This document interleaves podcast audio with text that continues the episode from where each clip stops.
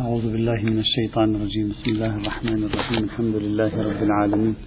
صلى الله على سيد خلقه وأعز رسله حبيبنا محمد وعلى آله الطاهرين. كنا نتكلم في قاعدة درء المفسدة أولى من جلب المصلحة والتي قلنا بأنها قاعدة واسعة الحضور في الاجتهاد الفقهي خاصة في الوسط السني. وقلنا بأن مرجعية هذه القاعدة تارة تكون من بعض النصوص القرآنية التي استعرضنا مهمها وقلنا قلنا بأنها لا تدل على شيء في موضوع بحثنا. وأخرى تكون مرجعية هذه القاعدة هو نفس قاعدة تقديم المحرمات على الواجبات التي ذهب إليها الشاطبي وما نسب أيضا إلى ابن حنبل. وقلنا بأن الخلاف مع هذه المرجعية الثانية خلاف مبنائي. أصلا المبنى ليس صحيحا. لا توجد قاعدة اسمها المحرم بما هو محرم. جنس المحرم مقدم على جنس الواجب ولا العكس. المرجعية الثالثة سميناها مرجعية الفهم والارتكاز العقلاني والمتشرع. جمعنا فيها بعض الأدلة المتفرقة التي ذكروها. الدليل الأول كان إجراء الاحتياط في الشبهات التحريمية. كل الذين يسلكون مسلك إجراء الاحتياط في الشبهات التحريمية ولا يسلكونه في الشبهات الوجوبية دليلهم سوف يكون دليلا على أن جانب المفسدة عند الشارع مقدم على جانب المصلحة ولذلك أمرنا بالاحتياط فيما هو جانب المفسدة وهو التحريم ولم يأمرنا بالاحتياط فيما هو جانب المصلحة وهو عبارة عن الوجوب. وبناء عليه نستنتج من هذه النظرية ومما يقف خلفها من أدلة أن جانب التحريم أي جانب المفسدة أولى من جانب المصلحة. وبالتالي عند التزاحم ينبغي أن نأخذ بما هو الأولى. وذكرنا أن هذا الوجه أيضا ليس صحيحا. حتى لو قلنا بأصالة الاحتياط فإن التمييز بين الشبهات الوجوبية والشبهات التحريمية من حيث المبدأ غير صحيحين. الأدلة هناك لا فرق فيها بين المورد. عمدة الأدلة هناك لا فرق فيها بين الموردين ولعلهم تركوا الواجبات خوفا من الوقوع في الحرج العظيم. لو أطلقوا مساحة الاحتياط مثلا. الدليل الثاني من داخل المرجعية الثالثة هذه الدليل الثاني قالوا نحن نرجح دفع المفسدة على جلب المصلحة لأن هذا الترجيح ينسجم مع قاعدة التسهيل في الشريعة.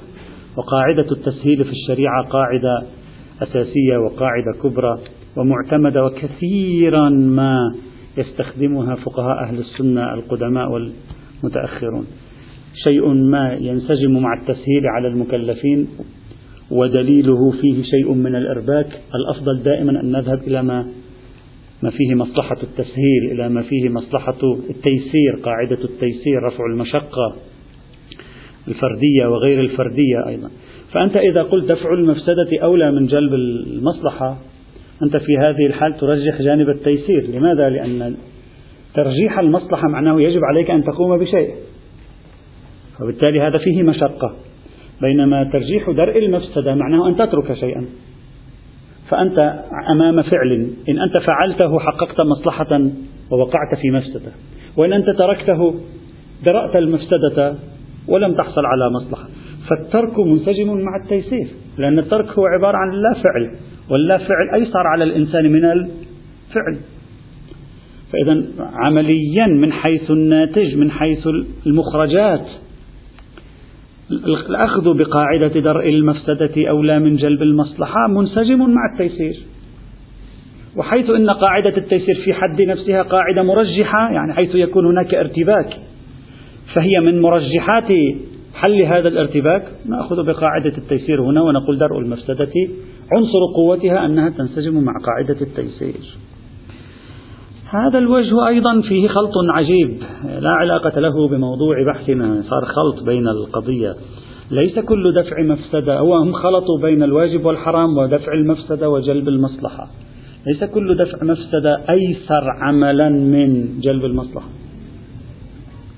ليس الأمر كذلك. أنت الآن قلت بأن التيسير يجلب مصلحة والتيسير هو ترك. أنت الآن قلت مصلحة التيسير وقلت نحن نريد أن نحقق مصلحة التيسير بقاعدة الدر أصلا هو نفس قاعدة التيسير التي تقول أنت بأن وراءها مصلحة تحقق مصلحة. هي قاعدة التيسير ماذا تعطي؟ تعطي الترك تعطي العدم. فعدم قد يعطي مصلحة. يعني هم تصوروا أن العدم يدرأ المفسدة والوجود يأتي بالمصلحة. لذلك قالوا درء المفسدة يقتضي الترك. والترك تيسير. في حين أحيانا درء المفسدة لا يقتضي الترك يقتضي الفعل. يعني لنفرض أن مفسدة قائمة في المجتمع. وأنت تريد أن تدفع هذه المفسدة دفع المفسدة. وأنت تريد أن تدفع هذه المفسدة. تقوم ببعض الإجراءات خاصة إذا كانت الدولة. هذه الإجراءات تحتاج إلى عمل. إذا أحيانا ترك لاحظ معي. ترك يؤدي إلى مفسدة. كترك الطبيب لعمله مع أن المورد هو وجوب. فيؤدي إلى مفسدة لا أنه تفوت مصلحة.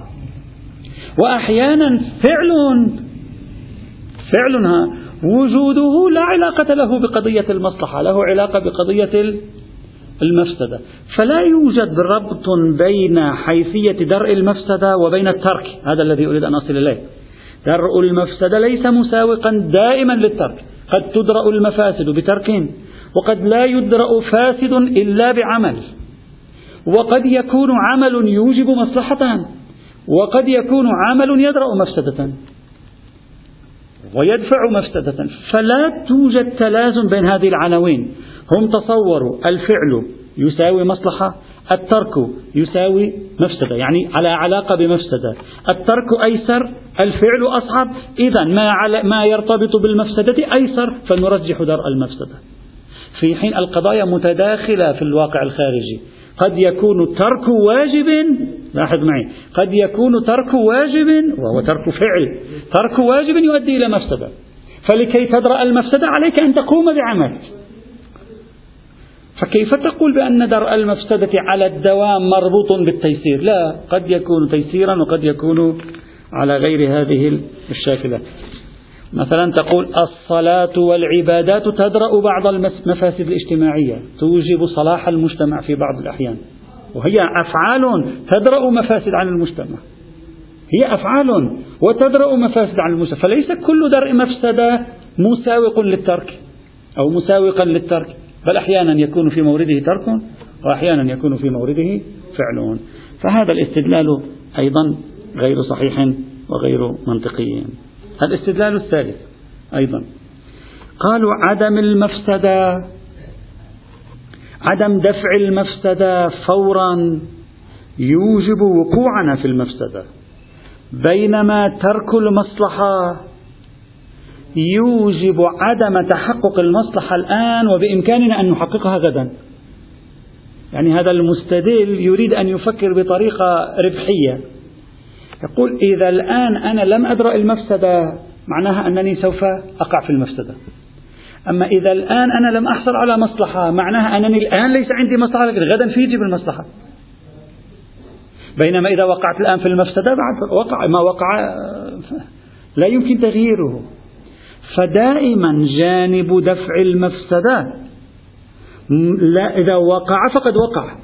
بينما جانب طلب المصلحة إن لم يقع لا يعني أنه لن يقع على الإطلاق بل يمكن أن يقع في الغد وبالتالي لما ينظر الإنسان إلى صورة القضية على هذه الشاكلة يعرف أن درء المفسدة أولى من جلب المصلحة. فإنك إن درأت المفسدة طمعت في أن تحصل على نفس المصلحة التي خسرتها في الغد. بينما إن أنت كسبت المصلحة وقعت المفسدة ولا سبيل لك إلى أن لا تقع. خلاص تقع بعد. هذا الدليل أيضا يبدو أنه لم يلتقط هذا الدليل في روحه. ماذا يريد أن يقول؟ يريد أن يقول كأنه يريد أن يطبق قاعدة البدائل على بحثنا. يريد أن يطبق ما له بدل وما ليس له بدل. يريد أن يطبق المضيق والموسع. اعتبر أن طرف المفسدة هو مضيق لا بدل له. واعتبر أن طرف المصلحة هو موسع له بدل يعني أشبه شيء وليس كذلك لكن تشبيها فقال أنا بإمكاني أن أجمع بينهما كيف؟ أجمع بين ترك المفسدة الآن وتحصيل المصلحة في الغد. وبالتالي لا حاجة إلى أن نضحي بال بموضوع ترك المفسدة لصالح جلب المصلحة يمكن الجمع بينهما. وهذا خروج عن مبحثنا فهذا غير مبحثنا مبحثنا فيما إذا فاتتني المصلحة الآن ما فاتني غير قابل لأن آتي به. أو لو أتيت به لاحقا فنسبة خسارة التأخير تساوي المفسدة. وهذا مفروض بحثنا. أما هذه الصورة التي يقول أنا الآن لا أحصل على المصلحة غدا أحصل عليها وهذا لا شك في أن درء المفسدة أولى من جلب المصلحة. لا لأنها قاعدة مستقلة بل لأنها تابعة لقاعدة البدائل. وهذا لا إشكال فيه. فإذا هذا الاستدلال وإن كان صحيحا في ذاته لكنه خارج عن مفروض المسألة مفروض قاعدة المفسدة. وجاعل هذه القاعدة مندرجة ضمن قاعدة ثانية في بعض فروعها. هذا لا علاقة له ببحثنا. الدليل الرابع والأخير قالوا الأصل في الأمور أنها صالحة في العادة ولذلك يقدم الدرء على الجلب ما معنى الأصل في الأمور أنها صالحة ولذلك يقدم الدرء على الجلب درء المفسدة على جلب المصلحة. قالوا طبيعة الأشياء يعني أنت لو نظرت الآن آه، في قراءة إنسانية طبائع الأمور تسير نحو تحقيق المصالح. يعني عادة الصلاح هو الذي يجري فرص الصلاح أكثر. مهما رأيت أنت من فساد عندما تنظر إلى القائمة ترى أن محاسن الناس أكثر من مفاسدها. يعني أي شخص مهما رأيته فاسدا لو حسبت محاسنه بالدقة وحسبت مفاسده تجد كثير من المحاسن. لكن أنت لا تلتفت إليها عندما ترى فساده. منطق هذا الاستدلال يقول طبيعة الأشياء تجر إلى الوضع الصالح.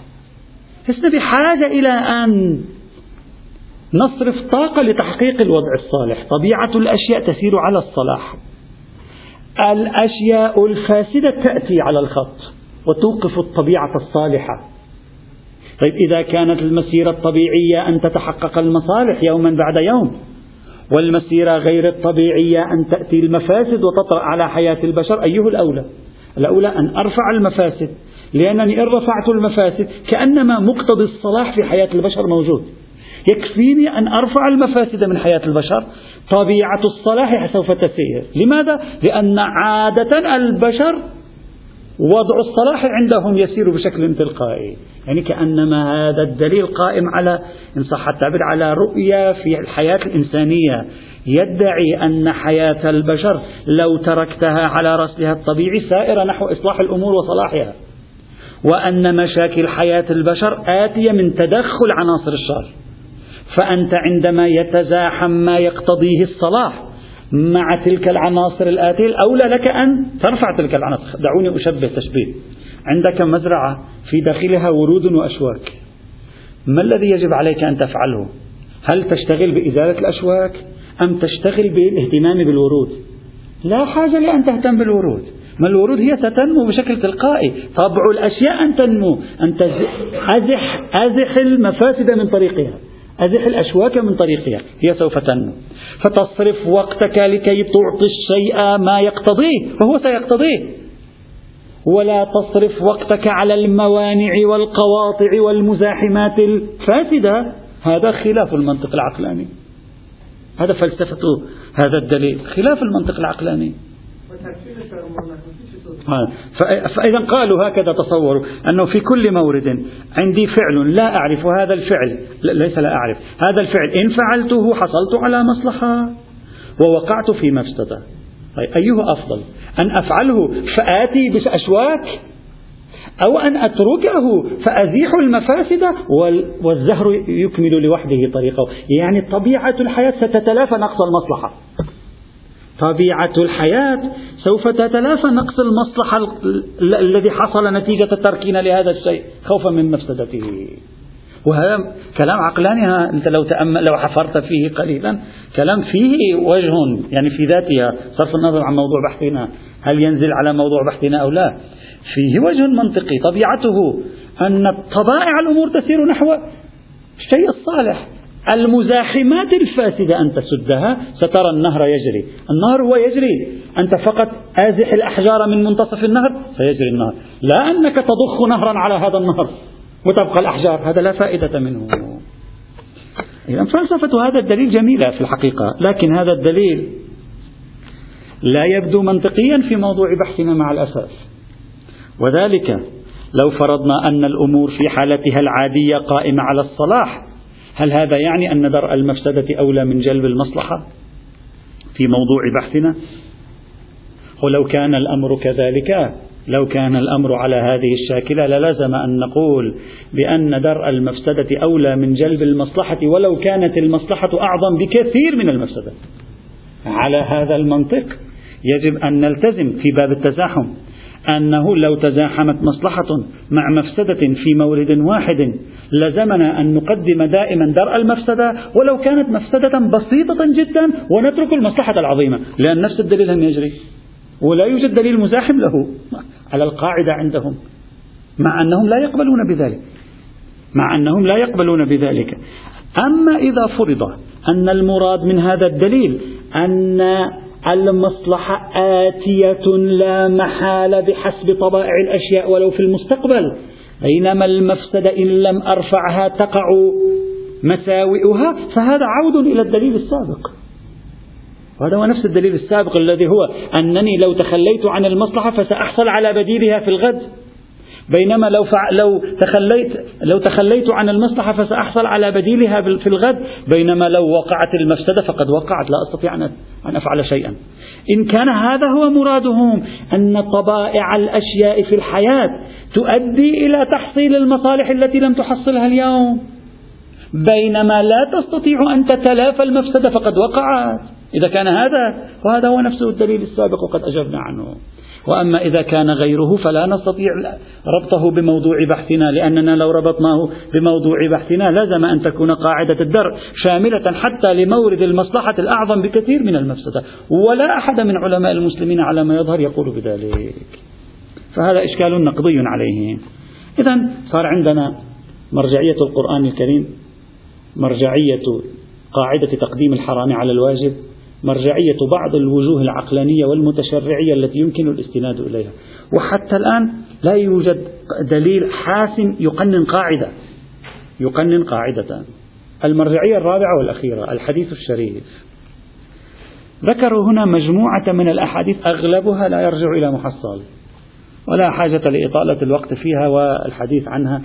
وسأكتفي فقط بإثنين أعتبر بأنهما الأهم من بين هذه الأحاديث التي ذكروها.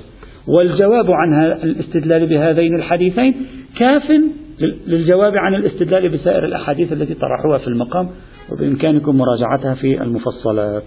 الحديث الأول. خبر أبي سعيد الخدري عن النبي صلى الله عليه وعلى آله وسلم قال إياكم والجلوس في الطرقات. تجلس في الطريق. تسوي لك قعدة في الطريق تتسامر وتتحدث. إياكم والجلوس في الطرقات. فقالوا ما لنا بد يعني ما في مجال. وين نروح؟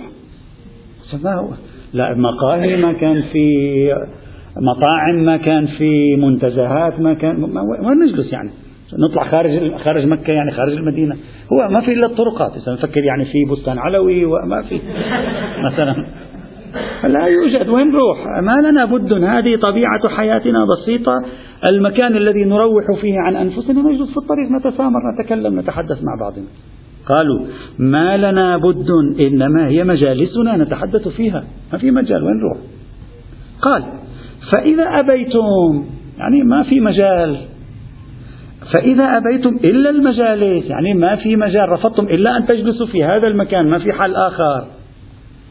لأن ما في بد يعني ليس هناك من مجال. فأعطوا الطريق حقها. إذا كان ولا بد لا بأس.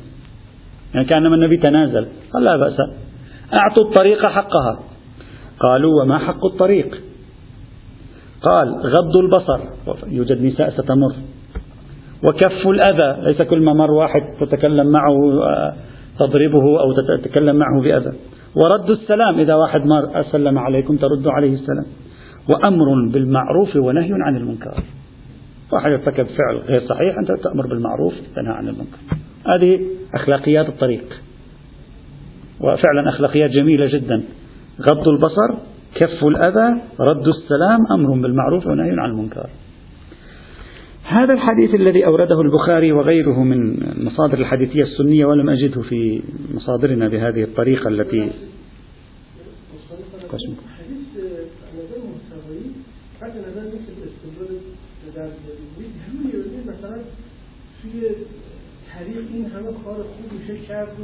الآن هو الاستدلال هكذا.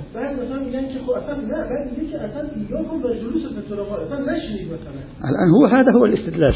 الآن سأقرب الاستدلال هو نفس هذا الذي طرأ في ذهنكم. قالوا قالوا ما شاء الله أربع مصالح عظيمة في الجلوس في الطرقات. لم نفهم لماذا نهاهم النبي عن الجلوس. إيه؟ ليس هناك من أمر إلا أن الجلوس فيه مساوئ وهناك مصالح. فدرأ النبي المفسدة وتخلى عن المصلحة. أربع مصالح تخلى عنها النبي لمصلحة الجلوس تتخلى عنها النبي درءا لمفسدة الجلوس في الطرقات. لأن في الطرقات هم في مفاسد أيضا. هم يوجد مفاسد في الطرقات لا تستطيع أن تقول الطرقات محض صلاح الجلوس فيها محض صلاح. فيها مفاسد. ما شاء الله. فيها أيضا مصالح. ما معنى إطلاق النبي النهي؟ ليس له معنى إلا أنه طبق قاعدة الدرء. درء المفسدة أولى من جلب. رأى أن درء مفسدة الجلوس في الطريق أولى من جلب هذه المصالح. وبالتالي تكون هذه الرواية مبنية على قاعدة درء. يعني المستدل هنا وهذا نوع من الاستدلال إخواني الأعزاء نوع أحيانا ليس متعارفا فيه. هكذا أنا أشعر في كتاباتنا الشيعية الفقهية. في كتاباتنا الشيعية الفقهية نحن نحتاج إلى نص يحكي لنا. لا يوجد نص هنا. في هذا النوع من الاستدلال هذا استدلال في البنية التي يقوم عليها الحكم. يعني يقول لا معنى له إلا ذلك. إذا الإخوة يلتفتوا في درس الفقه الذي نأخذه هذه الأيام استدلالات القاعدة الذهبية هم أيضا من نفس الطريق. يعني من نفس الطريق. ألم يجدك يتيما فآوى فأما اليتيم فلا تقر. لا يوجد هنا شيء اسمه القاعدة الذهبية. لكن تركيب هذا مع فأما مع الفاء لا يفهم إلا في سياق وجود بنية تحتية. هذه البنية التحتية هي القاعدة الذهبية. احبب لغيرك ما تحب لنفسك وأكره له ما تكره له. لا. نعم. يعني هو لا أريد أن أقول مقاصد. نعم يلتقي مع المقاصد لكن هو قراءة ما بين الأسطر بحسب تعبيرنا اليوم. بين الخطوط بين الأسطر أنت تقرأ. تقول هذا الذي يتكلم معي عاقل. ليس هذا شخص طلسمي هو عاقل. تركيبة كلامه لا معنى لها إلا يكون هذا قصده. فأتكهن أن ما بنى عليه هذا الكلام الأول والثاني ليس إلا قاعدة الدرس وهذا لا بأس به معذرة لا بأس به إذا يعني شخص عنده مزاج التتبع في كتابة موضوع في هذا البحث يعني نوع من الأدلة نجده أنا شخصيا أجده أكثر في الكتابات السنية منه في الكتابات الشيعية هل هذا المبنى صحيح؟ إذا كان صحيحا ما هي معالمه؟ ما هي حدوده؟ إذا ليس بصحيح فلماذا ظهر؟ وما هي نقاط ضعفه؟ لا بأس لكن تحليلي يعني تحتاج تذهب تحفر لتستخرج مقالة صغيرة تحليلية في هذا المجال نعم.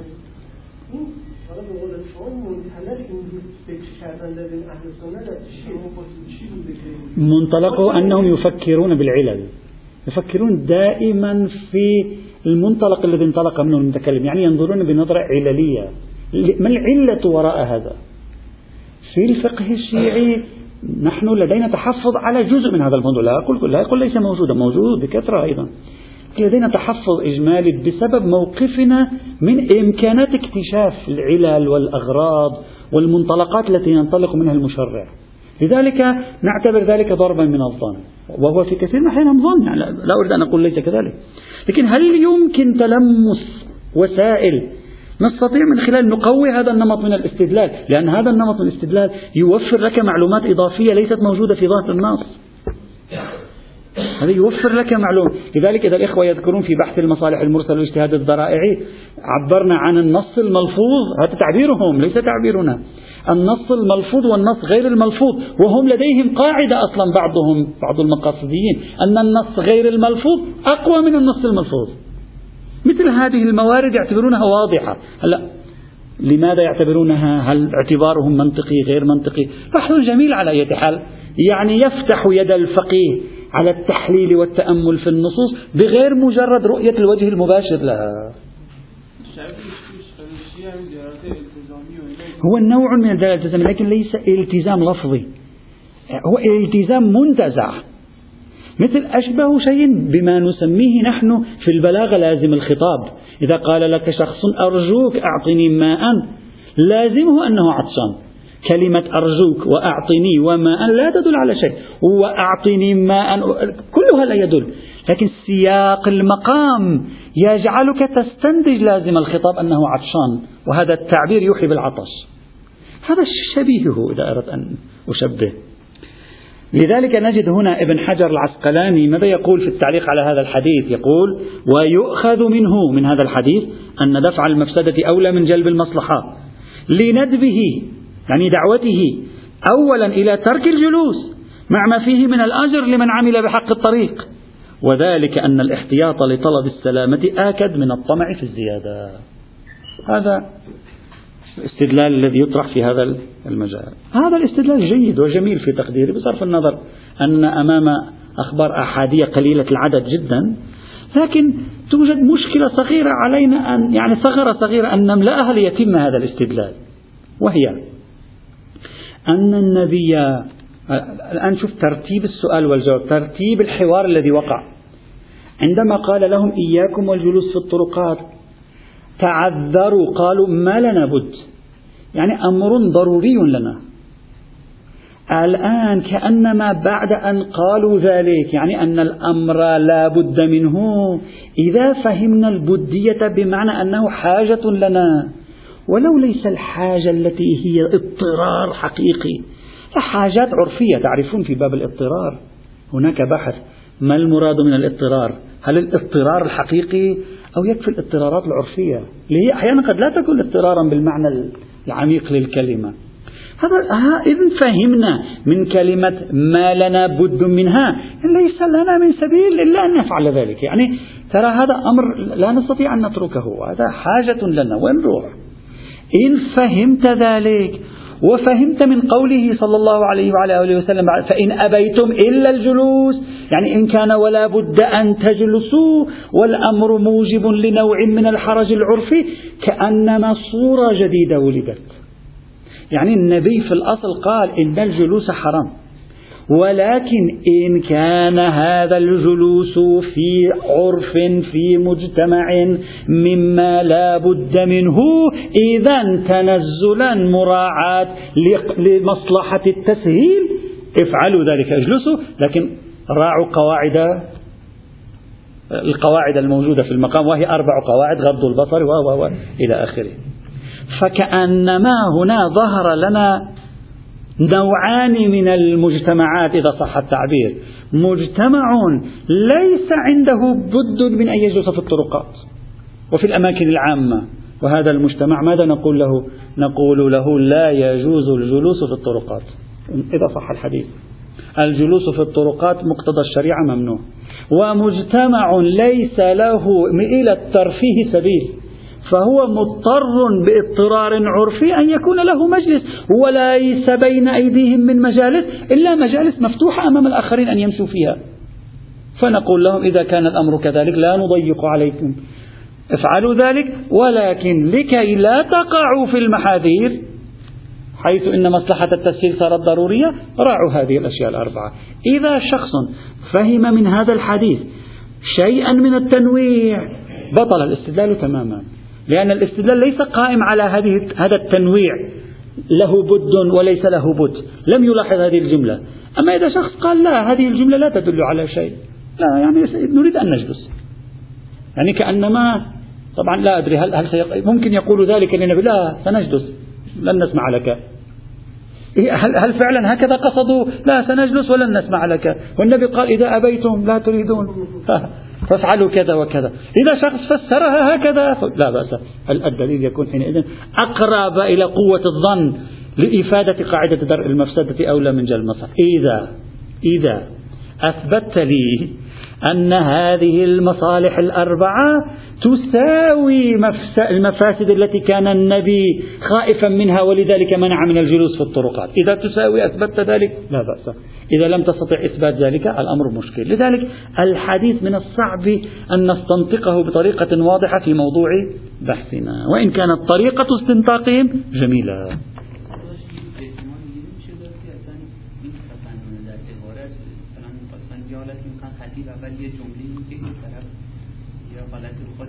بله مثل ممكن مثل الاعتبار الأدبي وهذا آه، أيضا وهذا ذكرته أنا أذكر لا أدري أين ربما في كتاب حجية السنة. أيضا فعلوا نفس الشيء مع النبي عندما قال لهم حول نبتة الإذخر.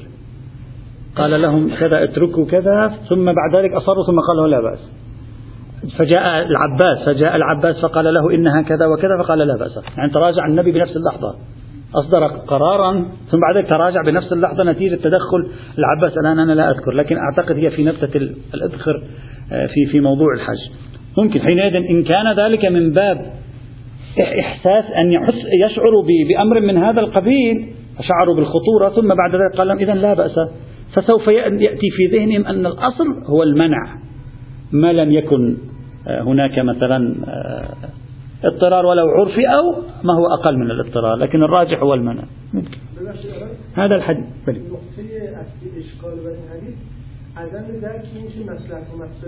متساوي. هذا أولا. ثانيا أن لا نفهم من الحديث أنه يرتب التجويز اللاحق على الضرورة العرفية على مصلحة التسهيل التي طرأت نتيجة المداخلة التي قاموها مع النبي.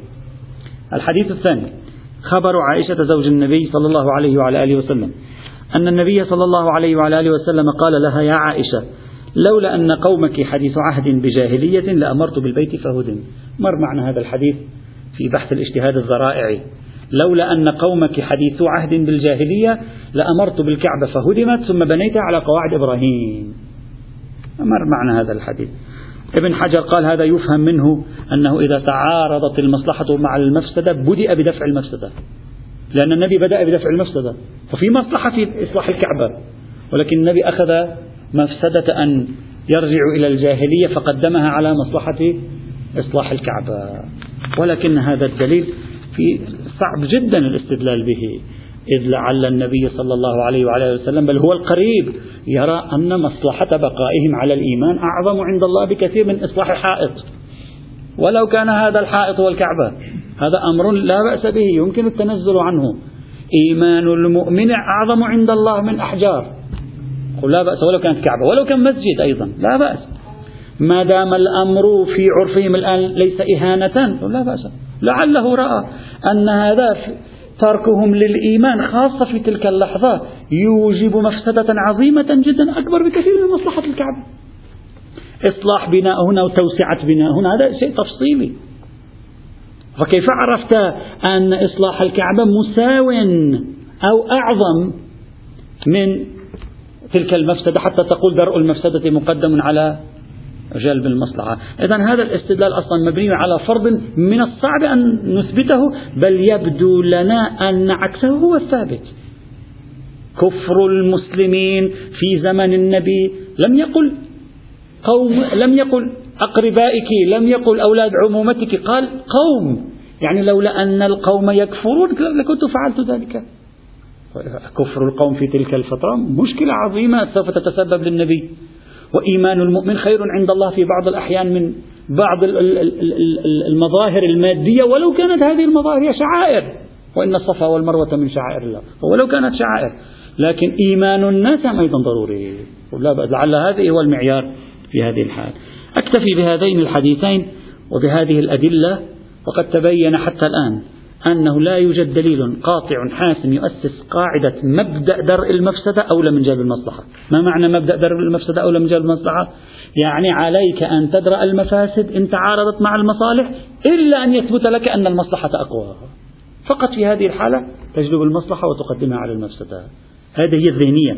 الآن هذه الذهنية الآن ستتشكل عند القائل بدرء المفسدة.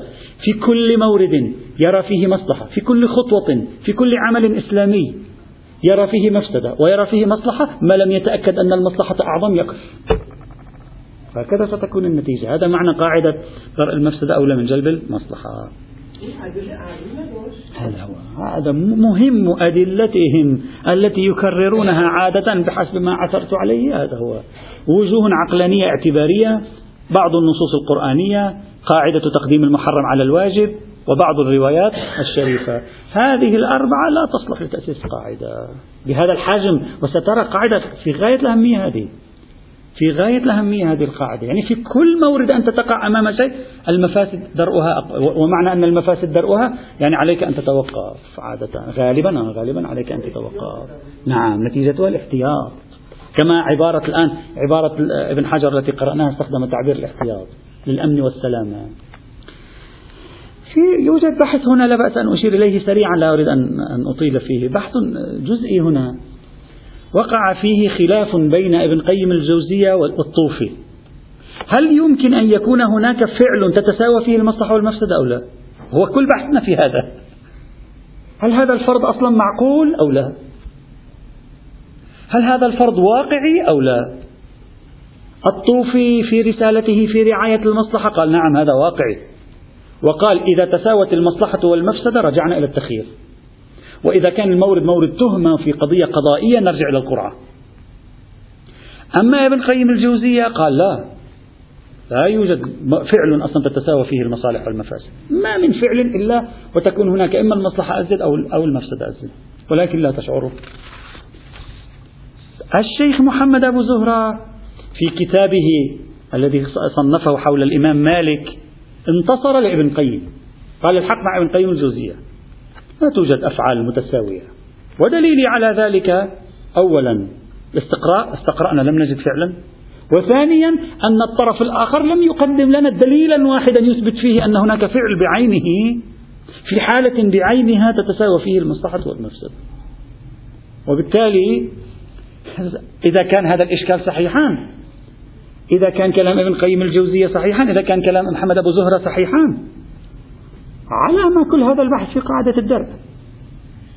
بلا معنى هذا البحث. لأن إما أن يكون المصلحة أعظم أو المفسدة أعظم. فإذا كانت المصلحة أعظم قدمت المصلحة. إذا كانت المفسدة أعظم قدمت المفسدة. لا معنى لأن نؤسس قاعدة ثالثة اسمها قاعدة درء المفسدة أولى من جلب المصلحة. تقول درء المفسدة الأعظم أولى من جلب المصلحة الأقل وجلب المصلحة الأعظم أولى من درء المفسدة الأقل. يعني كل شغل العلماء وبحوثهم هذه بناء على هذه الفرضية ستصبح في مهب الريح. لا معنى ذاتا لا واقعية لها. إلا أن هذا الكلام الذي يطرحه ابن قيم الجوزية وابن زهرة وغيره وأبو زهرة وغيره غير صحيحين. وذلك أنت وين استقرأت؟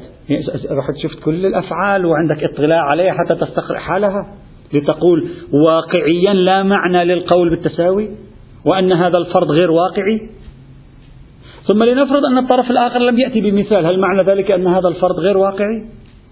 ممكن يكون موجود في الواقع ولم يأتوا بمثال. ممكن يكون موجود في الواقع واستقراؤك لم يتسنى له أن يكشف. نعم. في مشكلة هنا وهي عدم القدرة على المعرفة التساوي. مش عدم وجود التساوي في الخارج. خلط القوم بين عدم وجود التساوي في الخارج بين المصلحة والمفسدة في فعل. وبين صعوبة اكتشافنا للتساوي على تقدير وجوده. لا التساوي ممكن ومعقول. ليش مش معقول؟ يعني أمر طبيعي. أما غالبا لا نستطيع أن نجزم بالتساوي. نعم صعب. كيف يعني هل لديك إدراك لتمام الحيثيات حتى تقول هذا مساوي لهذا تماما؟ نعم. وبالتالي إشكالية البحث هنا ليست في وجود المتساويين أو عدم وجودهما. إشكالية البحث هنا في عدم القدرة على معرفة المتساويين في العادة وبالتالي قاعدة درء المفسدة أولى من جلب المصلحة تصبح غير جد لا جدوائية فيها تصبح فاقدة للثمرة العملية لا موضوع مشخص لها بالنسبة إلينا. لكن هذا الإشكال يمكن رفعه وهو أن نقول الذين استدلوا بقاعدة درء على قاعدة درء المفسدة أولى من جلب المصلحة بالقرآن بالسنة بالعقل وبغيره. هؤلاء بإمكانهم أن يقولوا هنا لسنا بحاجة إلى أن نثبت التساوي. يكفي أن لا نثبت أن المصلحة أعظم من المفسدة هنا. لأن مقتضى القاعدة عندهم أن المفسدة تدرك ما لم يثبت عظمة المصلحة وأعظميتها. وبالتالي بمجرد أن لا يتجلى لي التساوي يكفيني أن أجري قاعدة الدار. وهذا لمصلحتهم وفي منفعتهم. وبالتالي نقول قاعدة الدرء لو صحت وهي غير صحيحة. قاعدة الدرء لو صحت تجري في كل مورد وهذا ما يريده أنصارها. تجري في كل مورد لم نثبت فيه كون المصلحة أعظم من المفسدة. خلاص. هلأ في الخارج استطعت أن أشخص التساوي بحث آخر. لم يعد مهما. لم يعد مهما لي فهذا الإشكال في غير محله. النقطة التي أريد أن أختم بها قاعدة درء المفسدة أولى من جلب المصلحة تقريبا هي النقطة الأخيرة وغدا ننهي هذه القاعدة هو الإشكاليات المعاصرة على قاعدة درء المفسدة أولى من جلب المصلحة. لا بأس نتوقف قليلا عند هذه النقطة لأنها مهمة بالنسبة إلينا في موضوع الخارطة الذهنية. بعض الباحثين علمانيين وغير علمانيين متفرقات كلامهم يعني ليس هناك بحث مستقل في هذا الموضوع. متفرقات كلامهم في وسائل الإعلام في بعض المقالات الصحفية في مواضع متنوعة هنا وهناك يطرحون أن قاعدة درء المفسدات أولى من جلب المصلحة. هذه القاعدة قاعدة تعطيلية قاعدة تثبط الوعي الإسلامي والعمل الإسلامي. لماذا؟ لأنها قاعدة تستسلم للمخاطرة. يعني تقول بمجرد أن الشيء من الأشياء فيه مخاطرة يجب علي أن أتركه. خاصة لو أخذنا كما سوف نشير إلى ذلك في نهاية هذه النقطة غدا لو أخذنا بعين الاعتبار درء المفسدة المحتملة الآن أولى من جلب المصلحة المحتملة الآن أو المحتملة في المستقبل. يعني إذا عندي أنا مشروع ورأيت في احتمال مصلحة وفي احتمال مفسدة الأصل ما هو؟ أن أدرأ المفسدة. يعني أعطل المشروع أوقف المشروع. أي مشروع أريد أن أقوم به؟ في احتمال أن تنجم عنه مفاسد؟ أوقفه. إلا أن أثبت بالدليل أن مصالحه أعظم بكثير من مفاسده أو أعظم من مفاسده. هذا بحث آخر. قالوا هذه قاعدة تعطل فاعلية الفكر الإسلامي العمل الإسلامي الدولة الإسلامية الحركات الإسلامية الفاعليات والفعاليات الإسلامية في المجالات الاجتماعية والسياسية. وبالتالي كل موضوع بدنا نقتحمه. نقول الأصل فيه أن لا نقتحمه إذا احتملنا فيه مفاسد. فضلا عما إذا تيقنا فيه من مفاسد. إلا أن نثبت لكم بالدليل ضمانات مئة بالمئة. والله تالله بالله أن هناك مصالح أعظم. كيف نستطيع أن نتقدم؟ لا بد أن ندخل في درجة من المخاطرة. وفي درجة من إمكان أن نضحي ببعض الأمور في مكان هنا أو في مكان هنا. بل اعتبر بعضهم أن هذه القاعدة هي من قواعد وعاظ السلاطين مثل الدكتور الشيخ محمد المسعري المعارض السعودي المعروف. اعتبر هذه القاعدة من القواعد التي يستخدمها وعاظ السلاطين. لا تثوروا على الظالمين لا تقوموا بالمظاهرات لا تعترضوا على ولي الأمر. لا تفعلوا كذا لماذا؟ هذا فيه احتمالية المفاسد الفرقة الانشقاق الاختلاف بين الناس الفوضى سفك الدماء إلى آخره. فإذا وقف انتهينا. ودرء المفسدة أولى من جلب. صحيح توجد مصلحة في المستقبل محتملة قد تكون قوية في أنه ستتغير الأوضاع. لكن ما دام هناك مفسدة حالية متيقنة المفاسد الحالية المتيقنة أهم عندي في الدرء من جلب تلك المصالح.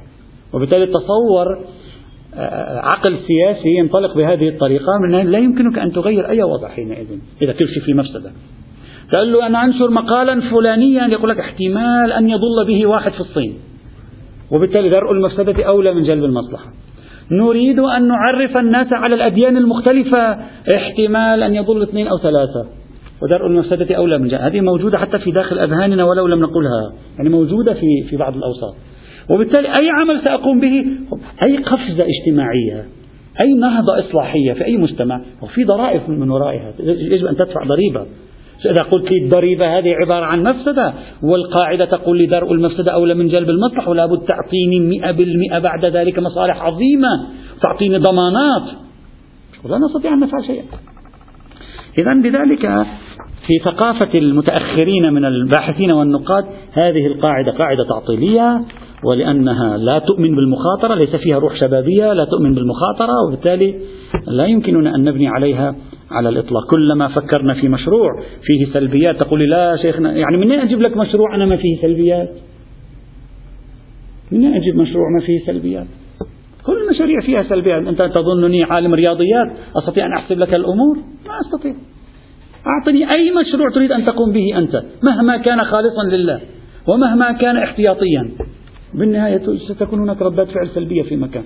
سوف يؤدي في مكان معين إلى إلى خسائر في في نقطة هنا أو نقطة هنا. دائما ذهنك يتمركز على السلبيات ولا تعطي مجالا للتفاؤل بالإيجابيات. هذه هي السلبية القائمة في قاعدة الدار. هذا إشكالية آه، المستشكلين هنا في هذا الموضوع. وهي إشكالية كنت قد أشرت إليها في مقالة لي لا بأس الإخوة يريدون الاطلاع عليها في العدد السادس من مجلة نصوص معاصرة في مقال تحت عنوان العمل الثقافي بين تنوع الرؤى وتعدد الاتجاهات. تكلمت عن أن هناك اتجاهات تفكر بهذه الطريقة ولذلك بناء على هذا الأساس طرحوا ما سموه بأصالة عدم التغيير. لأن التغيير مخيف يمكن أن يوصل إلى بدعة يمكن أن يوصل إلى فساد يمكن أن يوصل إلى مشكلة. فأصالة عدم التغيير. معنى أصالة عدم التغيير ما هو؟ ابقى كل شيء على ما هو عليه. ولا تقم بأي تغيير يأتينا بمخاطرات. وبالتالي يجب علينا أن نوقف. تأملوا في هذه الإشكالية غدا نتكلم حولها وبعض التفريعات الصغيرة غدا ننهي هذا البحث ونشير فيما بعد إلى قاعدة القاعدة الأخيرة وهي مهمة بالنسبة إلينا الغاية تبرر الوسيلة باختصار شديد والحمد لله رب العالمين.